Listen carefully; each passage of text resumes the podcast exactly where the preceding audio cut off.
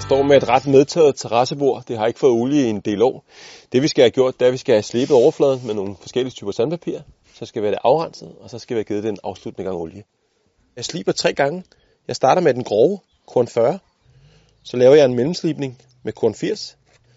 Og så afslutter jeg med den helt fine sandkornet 120.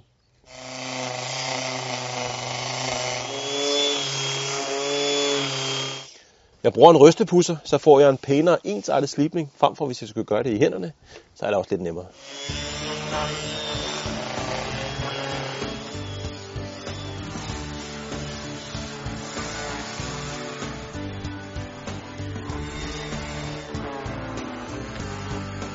Husk altid, når du sliber, og slip på langs med årene, så får du den pæneste slipning.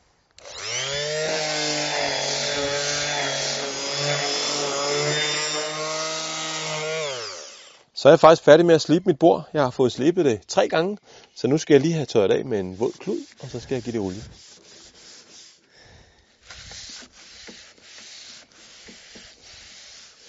Møbler af ædeltræ som tikka mahoni kan faktisk godt tåle at stå ude.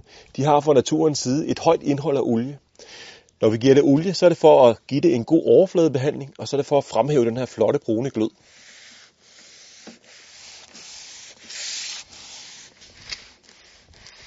Så bliver jeg færdig med at oliere mit bord. Jeg har slebet det, og så har jeg givet det en afsluttende gang olie, så nu kan det holde over mere.